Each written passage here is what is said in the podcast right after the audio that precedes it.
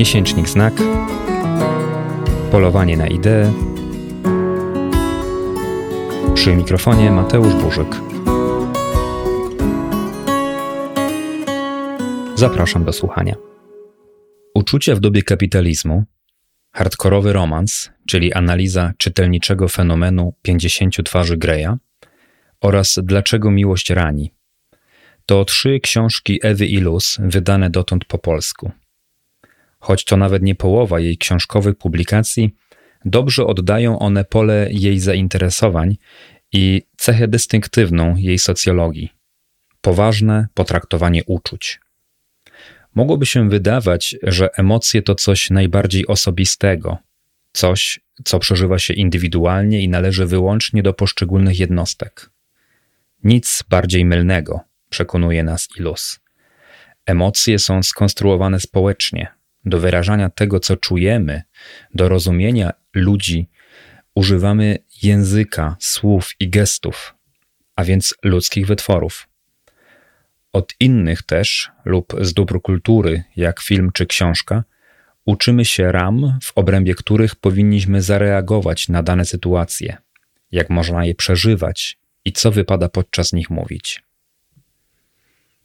Ewa Ilus w zeszłym roku obchodziła 60. urodziny. Przyznam, że gdy sprawdziłem jej wiek, nieco się zaskoczyłem, bo postrzegałem ją zawsze jako stosunkowo młodą intelektualistkę. Być może dlatego, że zapamiętałem jej wizerunek sprzed 11 lat, kiedy czytałem pierwszą jej książkę.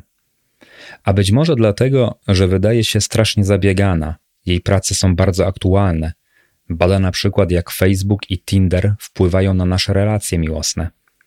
A także dlatego, że jeszcze długo przed pandemią i zanim stało się to powszechne, proponowałaby wywiad przeprowadzić nie na żywo, w realu, ale przez Skype'a.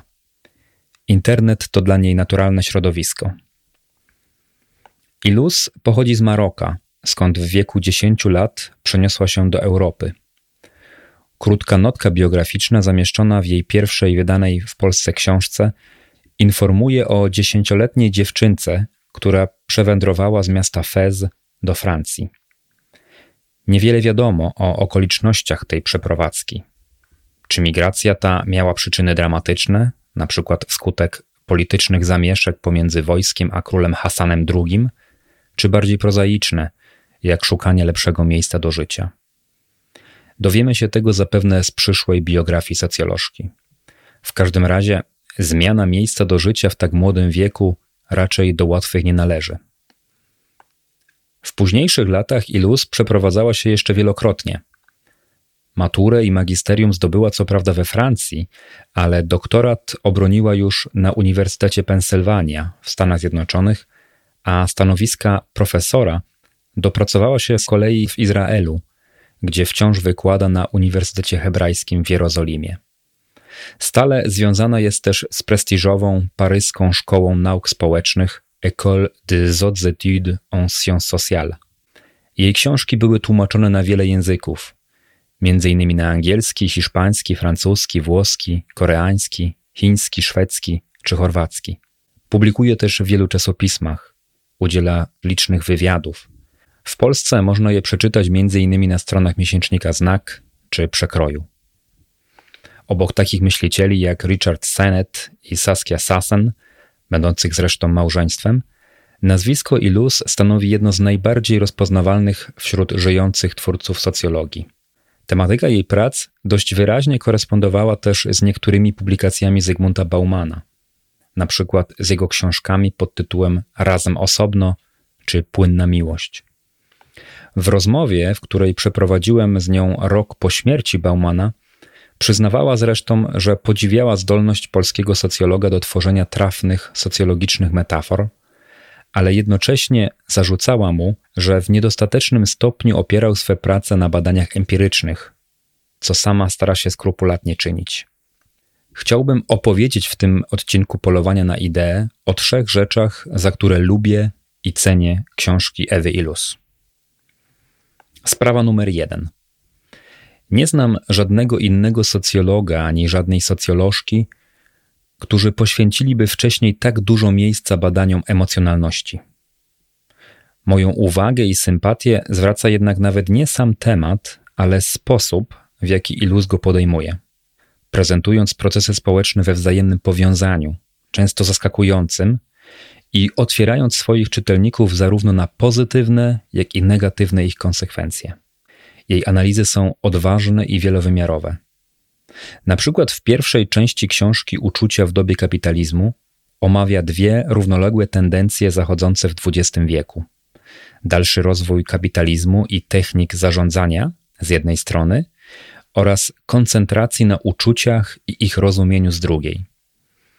O ile intuicyjnie domyślamy się, że pierwsza tendencja zdominowała drugą, bo zmagamy się dziś przecież z konsekwencjami zatarcia granic między światem publicznym i prywatnym, światem pracy i odpoczynku, bo wymaga się od nas nieustannego zwiększania efektywności, a emocje i ich przeżywanie zostały utowarowione, o tyle Ilus przekonuje, że proces ten ma swoje niespodziewane zwrotne oddziaływanie.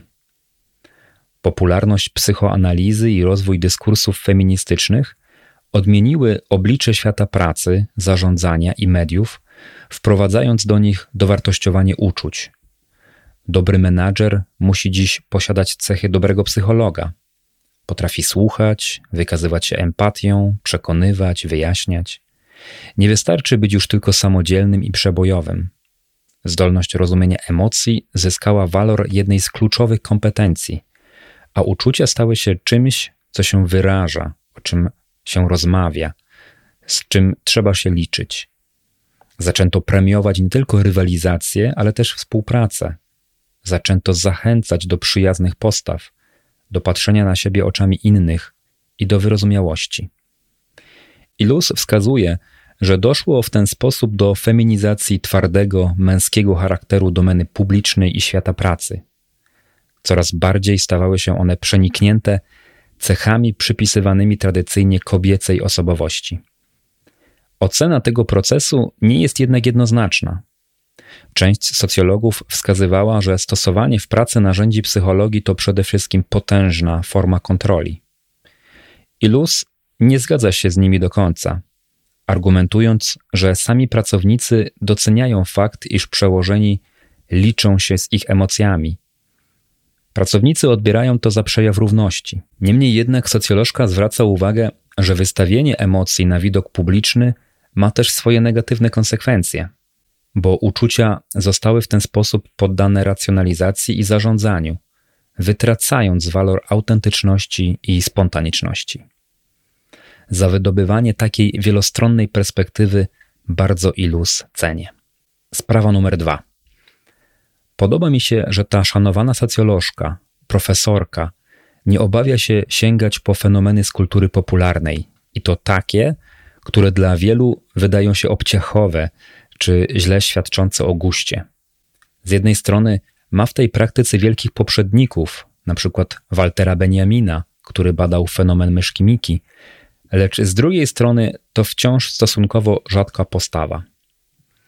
Iluz zaś na kanwie taniego romansu, jak powiedzielibyśmy o 50 twarzach Greya, potrafi poczynić obserwacje o przemianach w kulturze, które porównuje do wynalezienia elektryczności i kanalizacji.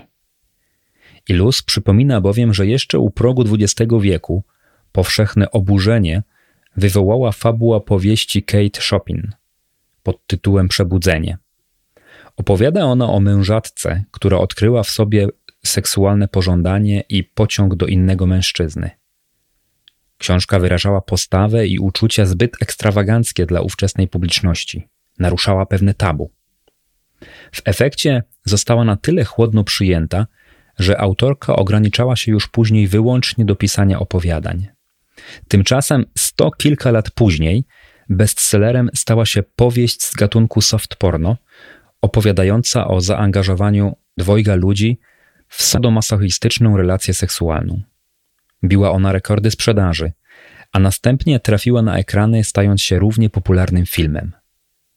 Jeśli przyjmiemy za iluz, że miarą bestsellera jest jego zdolność do wyrażania wartości i poglądów, które są dominujące i powszechnie zinstytucjonalizowane, bądź rozpowszechnione w stopniu dostatecznym, by wejść do głównego obiegu za pośrednictwem jednego z kulturalnych mediów, to przyznać musimy, że rzeczywiście Zachód przeżył w ostatnim stuleciu rewolucję kulturalną.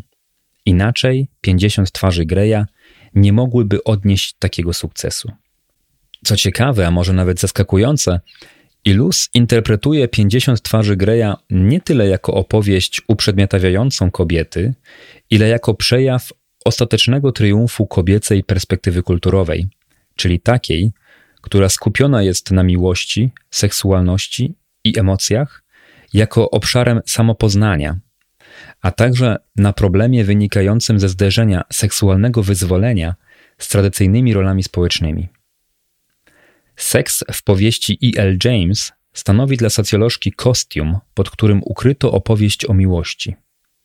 Do takiej perspektywy Ilus dokłada jeszcze dwie obserwacje związane ze słowem fantazja. Po pierwsze, wskazuje, że książka James stanowi fantazję mówiącą, że nasza zwyczajność może przekształcić się w wyjątkowość, gdy ktoś potwierdzi naszą wartość, obdarzając nas miłością. Socjolożka wypowiada w ten sposób prawdę dość uniwersalną, ale dziś szczególnie wybrzmiewającą, że uznanie drugiej osoby jest podstawowym wyzwaniem relacji miłosnych. Myślę, że słysząc to, sami wiemy, jak to ważne, bo jeśli nie czujemy zaufania partnerki lub partnera, jeśli nie czujemy się przez nich w pełni docenieni, to związek nie może się udać. Po drugie, Ilus pozwala zrozumieć, dlaczego po kolejnych falach feminizmu, nawet w tak wyzwolonych obyczajowo powieściach jak 50 twarzy Greya, wciąż pojawia się pragnienie małżeństwa, instytucji jakby nie było konserwatywnej, jeśli nawet nie patriarchalnej.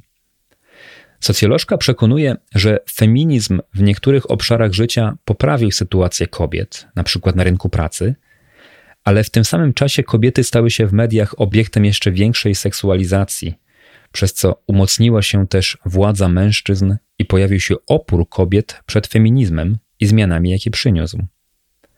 Ilus trzeźwo jednak przekonuje, że tak zwane szczęśliwe zakończenie w postaci małżeństwa nie wyraża fantazji kobiet związanych z tęsknotą za przejawami męskiej dominacji, ale za towarzyszącymi jej więzami emocjonalnymi, które skrywały, usprawiedliwiały i czyniły nierówności niewidzialnymi. Zresztą sam Christian Grey nie jest mężczyzną wyrwanym z przeszłości. On doskonale rozumie kobiety i wie, co sprawia im rozkosz. Może wykorzystując te obserwacje, będziemy potrafili spojrzeć inaczej na książkę i film 50 twarzy Greya.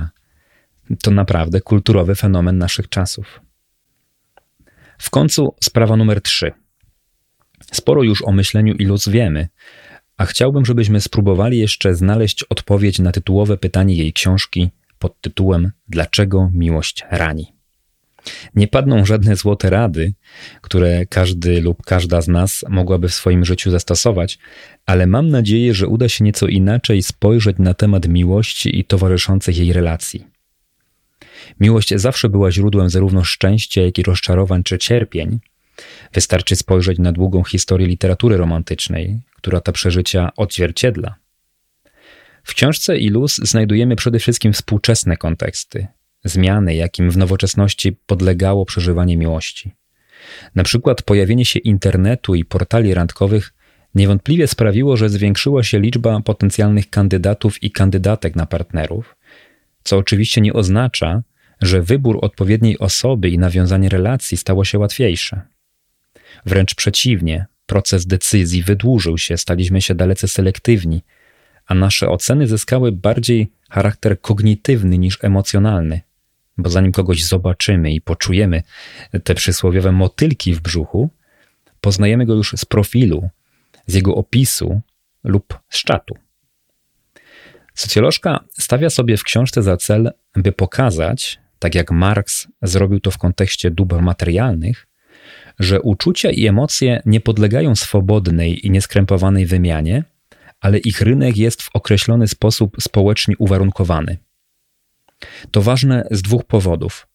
Po pierwsze, dlatego, że nierówność na rynku miłości ma miejsce pomimo kolejnych fal emancypacji seksualnych i feministycznych.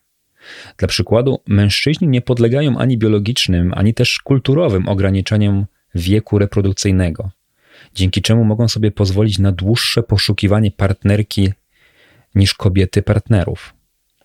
Przezwyciężenie tych nierówności pozostaje więc ciągle wyzwaniem.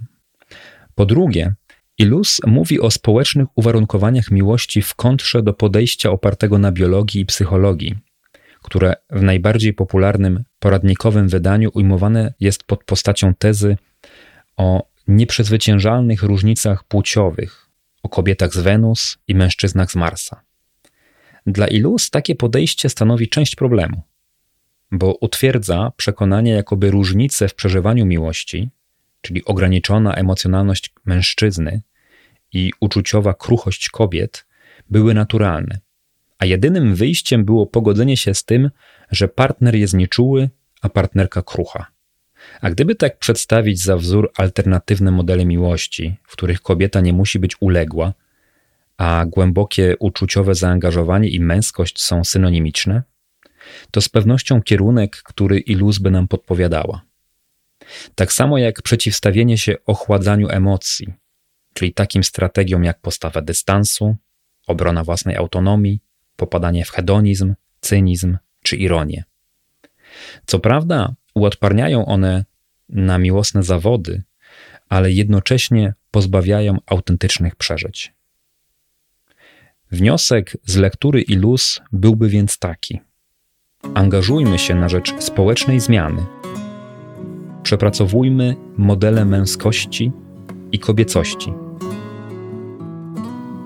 ale nie rezygnujmy z miłości. Zapraszam na stronę www.miesiecznikznak.pl i na kolejny odcinek podcastu. Do usłyszenia.